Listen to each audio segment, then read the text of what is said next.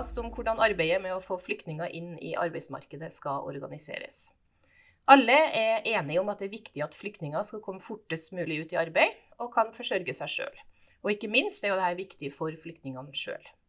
Det krever jo samarbeid mellom Nav-kontor, mellom kommunale enheter, sånn som voksenopplæringa og flyktningtjenesten, mellom arbeidsplasser og arbeidsgivere, og selvsagt også med flyktningen sjøl. Et viktig spørsmål er jo da hvordan man skal organisere dette samarbeidet. Hurtigsporet er en ordning som forsøker å hjelpe dem som har kompetanse, som er spesielt etterspurt i Norge, til å komme ekstra raskt i arbeid. Jeg heter Gunn Elin Fedreim, og jeg er postdoktor ved UiT, Norges arktiske universitet. Jeg er prosjektleder for en studie som har undersøkt hvordan vi kan organisere dette kvalifiseringsarbeidet, sånn at flyktningene kan komme fortest mulig ut i arbeid. Vi ser også på utfordringer knytta til dette arbeidet. Denne studien har vært en del av et forskningsprosjekt som heter Arbeidsinkludering, læring og innovasjon i Nav, og vi kaller det ALIN som kortnavn. Og I det prosjektet har forskere ved UiT vært med og samarbeida med Nav i Troms og Finnmark i tre år. Og Hvis du er interessert i mer om det, så finner du mer om det på websida til UiT, på uit.no, hvis du søker deg på ALIN og på Nav. Og nå skal jeg være programleder for en serie med podkaster der mine kollegaer og jeg skal presentere funnene fra de studie, den studien som vi har gjort da, om arbeidsinkludering av flyktninger.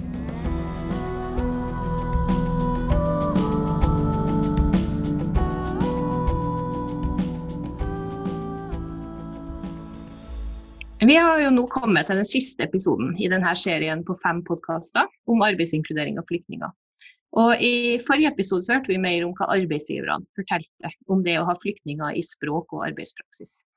Og Nå skal vi gå nærmere inn på om det er utdanning eller det å komme fortest mulig ut i arbeid som er det viktigste. Og I denne episoden så skal jeg ha med meg instituttleder Nina Hermansen, som har vært spesielt interessert i akkurat dette temaet, da, og hva det er som fører til varig arbeidsinkludering av flyktningene. Eh, velkommen til deg, Nina. Hei. Hei. I løpet av det prosjektet så har vi etter hvert skjønt at det er et tydelig skille mellom om flyktningene vil komme ut i arbeid eller i utdanning. Kan du fortelle litt mer om det? Ja, det kan jeg. Og takk for det. Ja, vi har jo intervjua 15 flyktninger, som Ida og Kaja presenterte tidligere. Og det som kom tydelig frem i de intervjuene, det var jo at det ikke nødvendigvis entydig om flyktninger vil ut i arbeid eller ha mer utdanning. Og dessuten så er det jo vanskelige valg som de må ta. Så jeg tenkte for å gå litt mer inn på det, så hadde jeg lyst til å starte med å gi et eksempel. For vi intervjua en mann som pekte på at han ikke hadde utdanning og kun delvis grunnskole. Og Derfor syntes han at det var best for han å etablere en egen bedrift, hvor han kunne tilby tjenester innenfor et arbeidsfelt han allerede behersker. Og det var jo for at på den måten kunne han klare seg sjøl og lære norsk i møte med kunder og samarbeidspartnere, og han mente helt klart at det var den beste løsninga for han. Så jeg tenkte jeg skulle sitere han, for han sier det så fint. Han sier jeg går på introprogrammet og ser folk som er ferdig på intro og de sitter på Nav. Hva skal jeg gjøre hvis jeg gjør det samme som dem? De finner ikke jobb. Jeg måtte starte denne bedriften og jobbe selv og tenke på fremtida. Jeg liker ikke at jeg finner ikke jobb. Derfor sier jeg til alle for å starte på jobb må du ha utdanning. Jeg har ikke utdanning. Hva skal jeg gjøre? Hvis jeg tar to år grunnskole, tre år videregående og så høyskole eller universitet, det vil ta seks eller syv år. Det er lang tid. Det er det jo for alle, tenker jeg, og kanskje spesielt når man er voksen. Ja. Men er det, er det, det du egentlig sier da, det er at han heller han vil jobbe heller enn å ta utdanning fordi at han har noen å forsørge? Ja, jeg tenker at eh, noen er det. Helt tydelig på at de først og fremst vil ut i arbeid. Og for dem så er det jo ofte en sånn helhetsvurdering, der behovet for inntekt rett og slett heller mest. Det viktigste er å forsørge familien, og med fast inntekt så får du også lån og kan komme inn på boligmarkedet. Og det er jo også veldig viktig for mange familiefolk. Så det vi finner, det er jo at ja, mange ønsker å komme hurtigst mulig i arbeid. De har familie å forsørge, og de ønsker noe meningsfylt i hverdagen. Og samtidig så er det jo det her med at eh, det er også mange som heller ønsker å få seg utdanning, eller tilpasse den utdanninga de har til det norske systemet. Og det kan jo være at de flyktningene har et mer langsiktig perspektiv, og ønsker å kvalifisere seg til eh, varig jobb.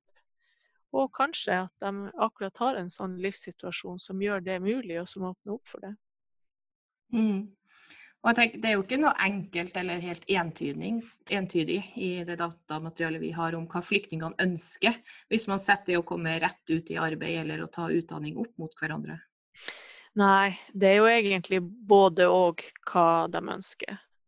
Noen vil i arbeid, som jeg har sagt, og noen mener de må ha mer utdanning først. Og det eksempelet som jeg viste til i stad, der er jo tydelig det dilemmaet som mange står i at eh, kanskje ønsker de å ta videreutdanning eller en ny utdanning, men realitetene gjør jo at man ikke kan prioritere det. Mm. Men i 2018 så publiserte jo Integrerings- og mangfoldsdirektoratet oppdaterte tall på hvor mange som fullfører introduksjonsprogrammet. Og da sa de jo at, de, at tallene for 2018 at det var rekordmange av deltakerne som kom i jobb eller utdanning etter at de var ferdig i programmet. Da. Men samtidig så viser det jo at denne økninga skyldes jo hovedsakelig at det er flere som kommer, eller flere som går over til videregående opplæring. Vil du si at dette betyr at det er en dreining til at det blir mer fokus på utdanning? Ja, det er større oppmerksomhet rundt utdanningsløpet nå. Og eh, ja, den kommer ut i arbeidslivet, men det er jo ikke det samme som å få fast og langvarig tilknytning til arbeidslivet. Det kan jo være en motsetning mellom å komme fort ut i arbeid eh, og det å bli værende i arbeid og få den eh, faste, lange tilknytninga. Og her har vi jo en del forskning som viser at eh, det er en utflatning i flyktninger sin deltakelse i arbeidslivet, gjerne sånn etter åtte år. Og det kan jo handle om at det å komme raskt ut i arbeid kan bety at um, man kommer ut i den, arbeids, den, delen av arbeidslivet hvor arbeid ofte er tungt, det er dårlig betalt, det er prega av usikkerhet, uforutsigbarhet. Og at arbeidet da er så krevende at man ikke klarer å stå i det i lengden. Kanskje pga. helseutfordringer ja, som ofte blir synlige når, når man blir eldre. Men Betyr det da at utdanning kan være den på en måte foten og veien til å få et sånn mer varig arbeid for mange? Eh, men jeg tenker, hvis det er det, hvor lett er det da for flyktningene å få utdanning? Ja, altså Det varierer jo selvsagt, men av eh, de informantene som vi har intervjua, så poengterer man jo at det å være lege fra et annet land, f.eks., det betyr jo ikke at man kan jobbe som lege i Norge, eh, og ikke i andre land for den saks skyld. Og Det skyldes jo at ikke bare at det tar lang tid å få norskgodkjenning av utdanninga si, men det kan også skyldes at man har forsørgeransvar, at man sliter med språket og fått tatt de nødvendige språktestene, og at eh, det kan være opplevelser eller den livssituasjonen man står i som gjør at karriere ikke er så viktig lenger.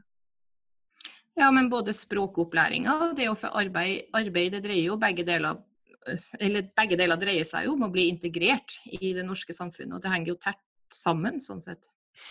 Ja, det gjør det jo. Men eh, det kan se ut som at det er jo litt ulike kulturer i de organisasjonene som jobber med språkopplæring og arbeidskvalifisering. Blant programrådgiverne er det naturlig nok mer vekt på arbeid, og blant lærerne som er ansvarlig for opplæring i norsk og samfunnsfag, er nok skole- og utdanningsløpet prioritert. Og i utgangspunktet ja, så så finner vi jo tydelig i prosjektet at det ligger en skoletankegang til grunn for språkopplæringsdelen av introduksjonsprogrammet. Og dermed tenker man kanskje oftere at mer skole og utdanning er veien til arbeid. Og eh, til tross for at introduksjonsprogrammet skal være både fulltid og helårig, helårig, så ser vi jo ofte nasjonalt at det organiseres i henhold til skolekalenderen. Selv om ikke det er nødvendigvis er tilfellet i, i mm. våre kommuner. Og eh, I en av de kommunene som vi har sett på, så ser vi også at de som er ansvarlig for opplæringsdelen av introduksjonsprogrammet, ønsker å være mer på banen. De ønsker å samarbeide mer med de som fokuserer på flyktninger sin hverdagsliv. og mindre med de som jobber med arbeidsretting av introduksjonsordninga. Og I en annen kommune så peker jo programrådgiverne på at skolen sitt utdanningsfokus kanskje kan forhindre at flyktninger som, som er klar for å gå rett ut i arbeid, får anledning til det. Vi analyserer jo det her til at det er snakk om en skolekultur som møter en arbeidslivskultur, og som bidrar til ulike fokus. Ja. Men hva vil du da si veien er for å, at flyktningene skal komme i varig arbeid på sikt i det norske samfunnet? Ja, altså det er jo for flyktninger som for alle andre at vi vet jo at utdanning er viktig. Og at eh, man på mange måter får en tryggere arbeidshverdag med flere bein å stå på. Og samtidig som kvalifiseringsarbeidet har vært sterkt vinkla mot å få flyktninger i arbeid, så ser vi også en dreining politisk sett mot et større fokus på utdanning. Og det ble jo veldig synlig for et par år siden når kvalifiseringsarbeidet ble flytta fra Justisdepartementet til Kunnskapsdepartementet f.eks. Mm. En utvikling som jo jeg mener peker på at utdanning anses som viktig også politisk sett. Og sånn sett så vil vi jo anta at de tallene fra introduksjonsprogrammet som viser at flere kommer over i utdanning, bare vil øke på sikt. Ja, det, det gjenstår det jo å se. Men tusen takk, Nina. Det var jo veldig interessant å høre om det her dilemmaet, hvis vi kan kalle det for et dilemma. Og sånn som jeg forstår deg, så er det jo ingen fasitløsning da, på hva som fungerer, men at det ser ut som fokuset nå da, er på utdanning. Ja, det virker sånn ut både fra nye tall, omorganisering av kvalifiseringsarbeidet og prosjektet vårt. Ja. Og med det så fikk jo da Nina Hermansen avrunde denne podkastserien som vi har hatt. Og her har vi jo da hatt med oss forskere fra Arbeidspakke 4 om arbeidsinkludering av flyktninger i ALIN-prosjektet, som er gjennomført av UiT, Norges arktiske universitet. Så på vegne av alle oss, Marit Aure, Tina Hansen og da Nina Hermansen, Kai Kolberg, Hanne Trine Nordmann, Ida Pettersen og meg sjøl, Gunn Elin Fedreim, så vil jeg takke for at dere har hørt på oss. Og Hvis dere har spørsmål, så kan dere søke oss opp på UiTs webside og ta kontakt med, ut fra kontaktinformasjon der. Takk for nå.